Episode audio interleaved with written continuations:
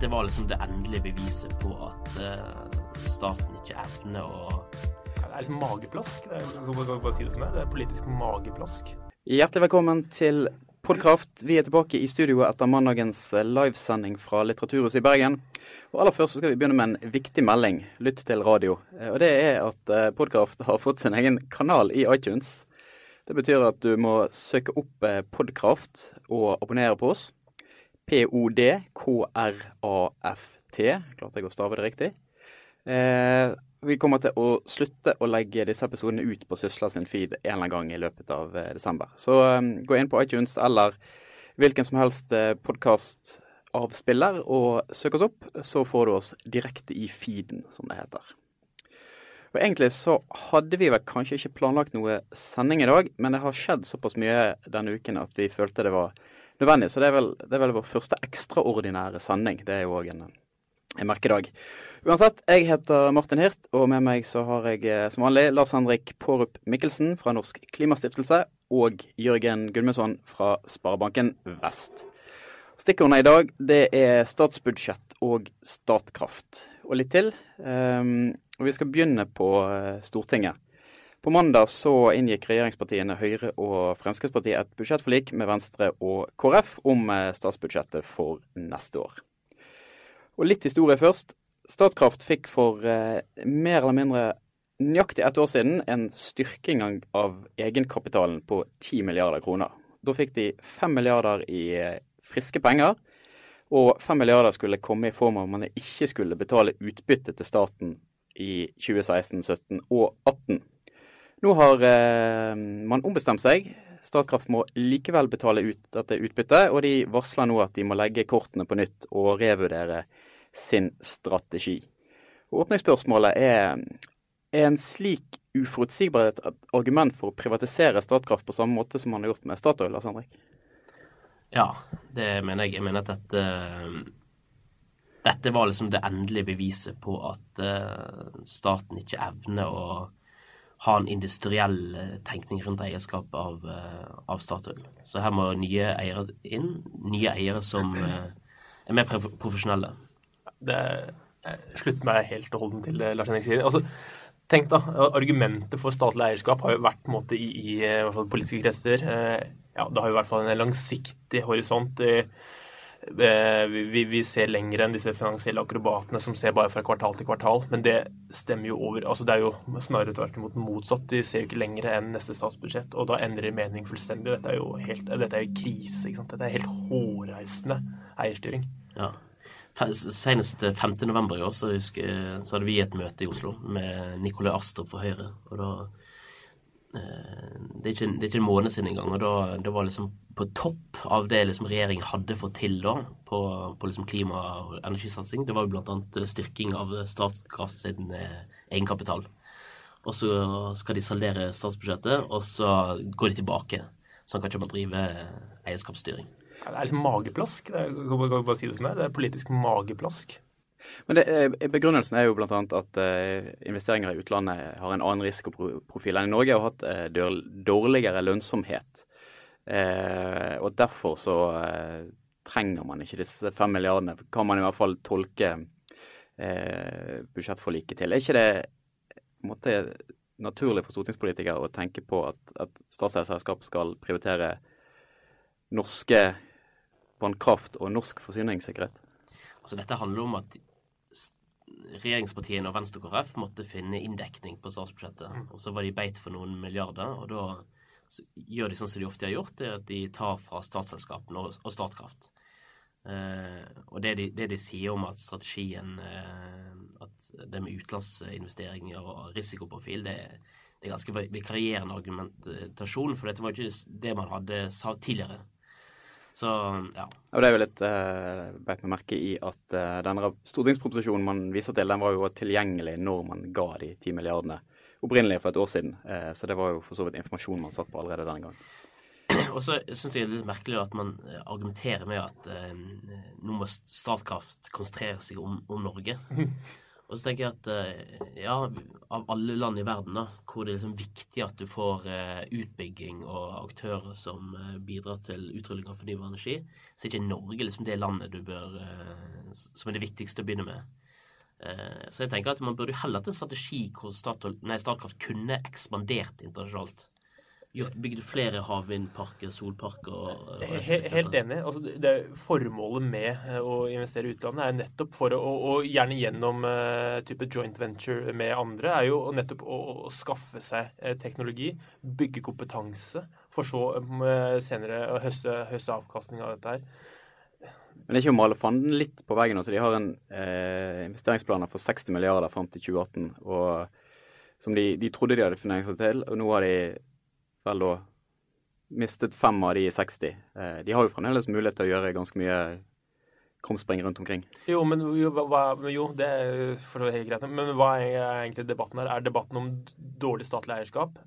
Ja, definitivt. Det er liksom eh, utvilsomt. Hadde, hadde, hadde Statkraft gjort det bedre med profesjonelle investorer? Ja, det tror jeg. Det er liksom også utvilsomt. Så det er det det egentlig handler om. Det er forutsigbarhet på drift.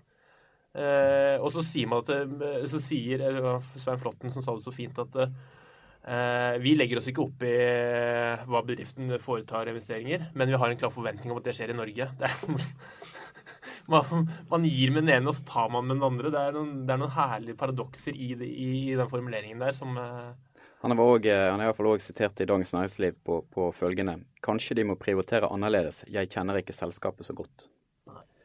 Og det tror jeg eh, Det tror jeg liksom Det tror jeg egentlig eh, sier det meste, da, at eh, man har ikke noe egentlig annet forhold til Statkraft på Stortinget enn at det er et selskap som skal få eh, budsjettene til å gå i opp. Og så tapper man litt egenkapital ut fra hva som er på en måte forbruksbehovet for vårt år.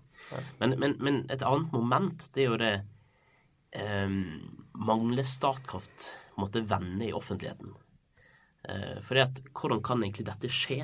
Eh, og, Statkraft burde kanskje ta en diskusjon internt om eh, Skjønner ikke folk hva vi driver med? Altså Er det ikke forståelse for behovet for at vi kan ekspandere og vokse i fornybarmarkedet globalt? Så bør man kanskje få en strategi på å gjøre det bedre, mer kjent, da. hvor, er First House, er det det du spør om, egentlig? Ja, hvor er, hvor er, hvor er First House? Nei, men kanskje de, må, kanskje de rett og slett må pleie den norske offentligheten eh, bedre, da, og gjøre seg, gjøre seg bedre kjent. Um, ikke det var litt eh, Altså, det var jo um, i sommer mye ståhei rundt denne vindkraftutbyggingen på Fosen, der Statkraft først sa nei. Eh, og så etter eh, i hvert fall sterke politiske uttalelser eh, ombestemt seg og vel nå er på et stadie der de har måte, stukket litt på kortene og funnet et, eh, en ny sammensetning og, og skal vurdere eh, en investeringsbeslutning. Eh, så vidt jeg har skjønt, så utgjør Fosen rundt 7 milliarder av investeringsplanene. Og det er jo ikke litt ironisk at når norske politikere i sommer var veldig opptatt av at dette måtte bygges, for så nå da å fjerne disse fem milliardene og muligens eh, altså kommentatorer, kommentatorer Klarer ikke å uttale det. Kommentatorer tar enkel, den enkle versjonen. Går jo ganske langt i å antyde at og bransjekjenner at dette kan være spikeren i kisten på hele prosjektet. Altså Igjen kommer det altså, Som Lars Henrik så fint stad, liksom, det, det, alt handler egentlig på hvordan, hvordan politikerne ser på Statkraft. Og i, dette øyeblikket her er det utrolig tydelig. Det er som et eh, salderingspost på statsbudsjettet. Det er en måte å sørge for at budsjettet går opp. Og eh, det er lett å slå politisk mynt på det, men det er eh, underveis. Men, men det er ganske åpenbart at det er dette her som har vært tilfellet hele, hele veien, egentlig. Jeg var i Trondheim eh, i forrige uke. Og da, da snakket vi med veldig mange som, eh, som var involvert i et, eh, altså disse vindkraftprosjektene. Da. Og det, det de sa, det var at eh, planen har kommet ganske langt. eh, Og man har egentlig kommet opp med en, en ny på en måte, plan nå, hvor det er bedre økonomi. Og de mente at man nå var kommet så langt at det, det, det er vanskelig å snu. eh, For egentlig alle de berørte partene. Men det som er sant, er at hadde det vært regjeringen som Det var jo ikke regjeringen som truer med å ta fra de egenkapital hvis de ikke gikk inn for utbygging. Det var det jo Geir Pollestad i Senterpartiet, ja. som gjorde. Eh, Men, de, men igjen, da, det viser liksom det litt det samme mønsteret, om at eh, dette er litt sånn leke, lekebutikk. For jeg, jeg mener at det, det er nok sikkert økonomi det, Eller prosjektet er sikkert godt nok, men til sjuende og sist så kan ikke man tvinge selskap til å investere i noe hvis det er ulønnsomt, bare fordi at det er politisk populært. Så på et eller annet sted så må jo det være virksomhetene sjøl som tar den endelige avgjørelsen, og ikke politikere. Og dette er også et glimrende eksempel på, for ikke å forskuttere noe negativt, da, men uh, hvordan kanskje Fornybar AS kan lykkes uh, med statlig styring. Um, og det var en uh, glimrende overgang til det andre vi skal diskutere fra statsbudsjettet. Som Jørgen nevnte, så har man fått en nyvinning som heter Fornybar AS. Som spesielt Venstres Terje Breivik har stått i spissen for, og bl.a. etterlyste i valgkampen. Og eh, for å ha såkalt full disclosure, som jeg har hørt man sier på eh, amerikanske podkaster, så får vi også denne gangen opplyse om at Lars Henrik har vært tidligere leder av Unge Venstre. Eh, dette Fornybar AS er et fond som sammen med private skal kunne investere i selskaper som utvikler og benytter grønn teknologi. Og det tar sikte på at fondet over tid skal få en forvaltningskapital på hele 20 milliarder kroner. Eh, det er mye penger. Eh, videre så lister man opp eksempler man kan investere i. Fornybar energi, hydrogen, transportløsninger med lave klimaavtrykk eh, og lagring av CO2 bl.a. Og eh, jeg tolker deg vel dit hen, Jørgen, at du mener eh, politikere bør holdes lengst mulig unna styringen av et sånt fond? Ja, jeg prøvde å lese meg litt opp på dette fondet. Det er veldig lite som er bestemt av sammensetning, eierskap, styring og sånne ting. Men altså med klar referanse til uh, Statkraft-saken, så er det jo åpenbart at det er hvem som ikke kan eh, styre dette her. Og da er det jo og da er det jo også åpenbart hva som kommer til å skje hvis det er de som får lov til å styre det. Og det er jo også Historien er lang av eksempler på statlige fond som har hvor politikerne har egentlig styrt det meste. Hvor dette har egentlig vært en finansiell leke, lekebinge som på en måte har kastet bort penger til subsidier som egentlig kanskje ikke har blitt funket i det hele tatt. Så at, skal dette funke, så er det nesten egentlig bare første man bestemmer seg om, er på en måte hvordan, hvordan profil skal det ha, og hvem, hvilke finansfolk som skal eh, styre der, og ha klare mandater. Og så ikke noe mer innblanding. Altså Det er egentlig å sette opp et mandat på fondet. Og hvis eh, avkastning er mandatet, ja da eh, må man forvente at man ikke investerer i Norge til enhver tid. Det, det tror jeg liksom er første erkjennelsen. Hvis, hvis, å fremme ny teknologi er mandatet, så må man regne med at man ikke får finansiell avkastning med det første. Og da det, kan godt regne med at dette er et tapssluk. Så må man være forberedt på at det er 20 milliarder i do. Ja, mm. det er absolutt. Altså, men det kommer helt an på hva, hvilke instrukser og Men eh, så lenge det er et klart mandat, så altså, det er jo ikke dette er ikke noen sånn eh, vidunderlig medisin for miljøet. Dette er Dette er egentlig bare at man, noen har bestemt seg for at jeg har noen penger til overs, jeg har lyst til å plassere det noe sted. Eh, til å ha, gjøre et eller annet. Og hvilke formål det er, ja, det avhenger på en måte av, eh, av suksessen, eller i hvert fall finansielle suksessen til dette fondet. Mm. Lars Henrik, tror du stortingspolitikere slipper begge hendene på rattet? Nei, altså, de som, altså Jeg vil jo si først at eh, jeg, jeg, tror det er behov for eh, en, en sånn eh, eh, Hva skal jeg si Et sånn selskap, eller en, en, aktør, da, som kan fylle et rom der det i dag mangler, mangler kanskje industriell kapital, som kan gå inn i, i selskaper med utvikling industrielt. Altså, det er det mangel på i dag. Så er spørsmålet spørsmål eh, jeg ser veldig faren da, at uh, det kommer opp prosjekt sant, som får politisk støtte, og så blir det fort et krav om at uh, vindkraft på Fosen og hydrogenstasjon der mm. og så, og så videre. At Eh, du kan få altså, veldig sånn lett en politisk styring. Så, så, der tror jeg det er veldig viktig at du, når du på en måte forbereder dette, at du lager noen eh, klare begrensninger som, som, gjør at politikere liksom får en distanse til eh, praktiseringen. Da. Men, så, men, så, men, men i utgangspunktet er jeg positiv. Og så tenker jeg at det som er faren, det er jo at uh, dette går nå inn i det evige sånn sirkelet i Finansdepartementet, der de skal utrede, og så trenger de mer tid, og så plutselig så er det stortingsvalg, og så ble det ingenting. Så jeg tror ikke man skal ta for gitt at dette kommer på plass. Eh, så de som, alle de som håper på dette, de må liksom mase om å mase og vise utålmodighet, tror jeg da. Ellers så tror jeg dette kommer til å bli utredet. Ja. Bør dette fondet ligge utenfor Oslo? Ja, og der er det jo andre storspørsmål, da. For nå sitter alle, alle byene og store miljøer rundt omkring i landet de tenker at yes, endelig, nå skal vi få noen arbeidsplasser til vår region Så Oslo og sikkert på Gjøvik og Hammerfest. Og i Narvik. Og i Narvik. Eh, men det, det, er jo faren òg, at når med en gang du begynner å snakke om noe sånt så, der, så får du en sånn lokaliseringsdebatt. Det er vi gode på i Norge. Det kan vi. Ja. Og, det, og, det, og det, mener, altså, kommer den debatten, da har du allerede tapt. Ass. Da Sorry, men altså, da, er, eh, da er det blitt et politisk eh, virkemiddel for sysselsetting istedenfor uh, OK, da, hvis det er formålet, hvis det er sysselsetting som er formålet, hvorfor gå veien om å om, oppstarte et grønt fond? Altså, jeg, var i hvert fall altså, jeg berømmet jo også ideen, for jeg syns det var en god idé med tanke på nettopp som Lars Henrik sa, at det er på en måte vi mangler industriell kapital. Og hvorfor vi mangler industriell kapital, ja, det er kanskje et lengre lerret å bleke, men utgangspunktet er at vi har for lite investeringer i norsk økonomi på fastlandet. Ved Mesteparten av investeringene har gått på, på sokkelen, på oljeinvesteringene. De er like store som fastlandsinvesteringene til sammen. Så her har vi noen problemer, og vi kan si at det er skatteregime og, og, hva som helst. Men, men og så prøver man å bøte ved det med å, ved å opprette et fornybarfond. Ved på en måte å få opp investeringer av den rette typen. da. Og, da, da, tenker jeg liksom, da må det være liksom intuitivt at formålet må her være å fremme lønnsomme investeringer innenfor grønn energi på en eller annen måte fornybar energi. Og da er, liksom både, da er, det både teknologi og avkastning som må på en måte gjelde. da. Altså Du må akseptere nei, teknologiutvikling med litt lavere avkastning i begynnelsen, men det må jo forrente seg på en eller annen gang. Hvis ikke så er du jo dødfødt. Da har du ikke, da har du ikke, da har du ikke løst problemet igjen. ikke sant, At du ønsket ønsker teknologi. Men hvis du skal da begynne ok, Hvor skal det være sysselsetting og sånne ting? Da, har du, da har du bare glemt formålet med det utgangspunktet. da. For Hvis det er sysselsettingstiltak, da er det mye lettere å skaffe til veie 20 milliarder uten å skape et fond. Da kan du bare gi det til Nav eh, i Narvik, da. Og så har du løst løs sysselsettingstiltak i Narvik. Dørfabrikk i Årdal. Ja.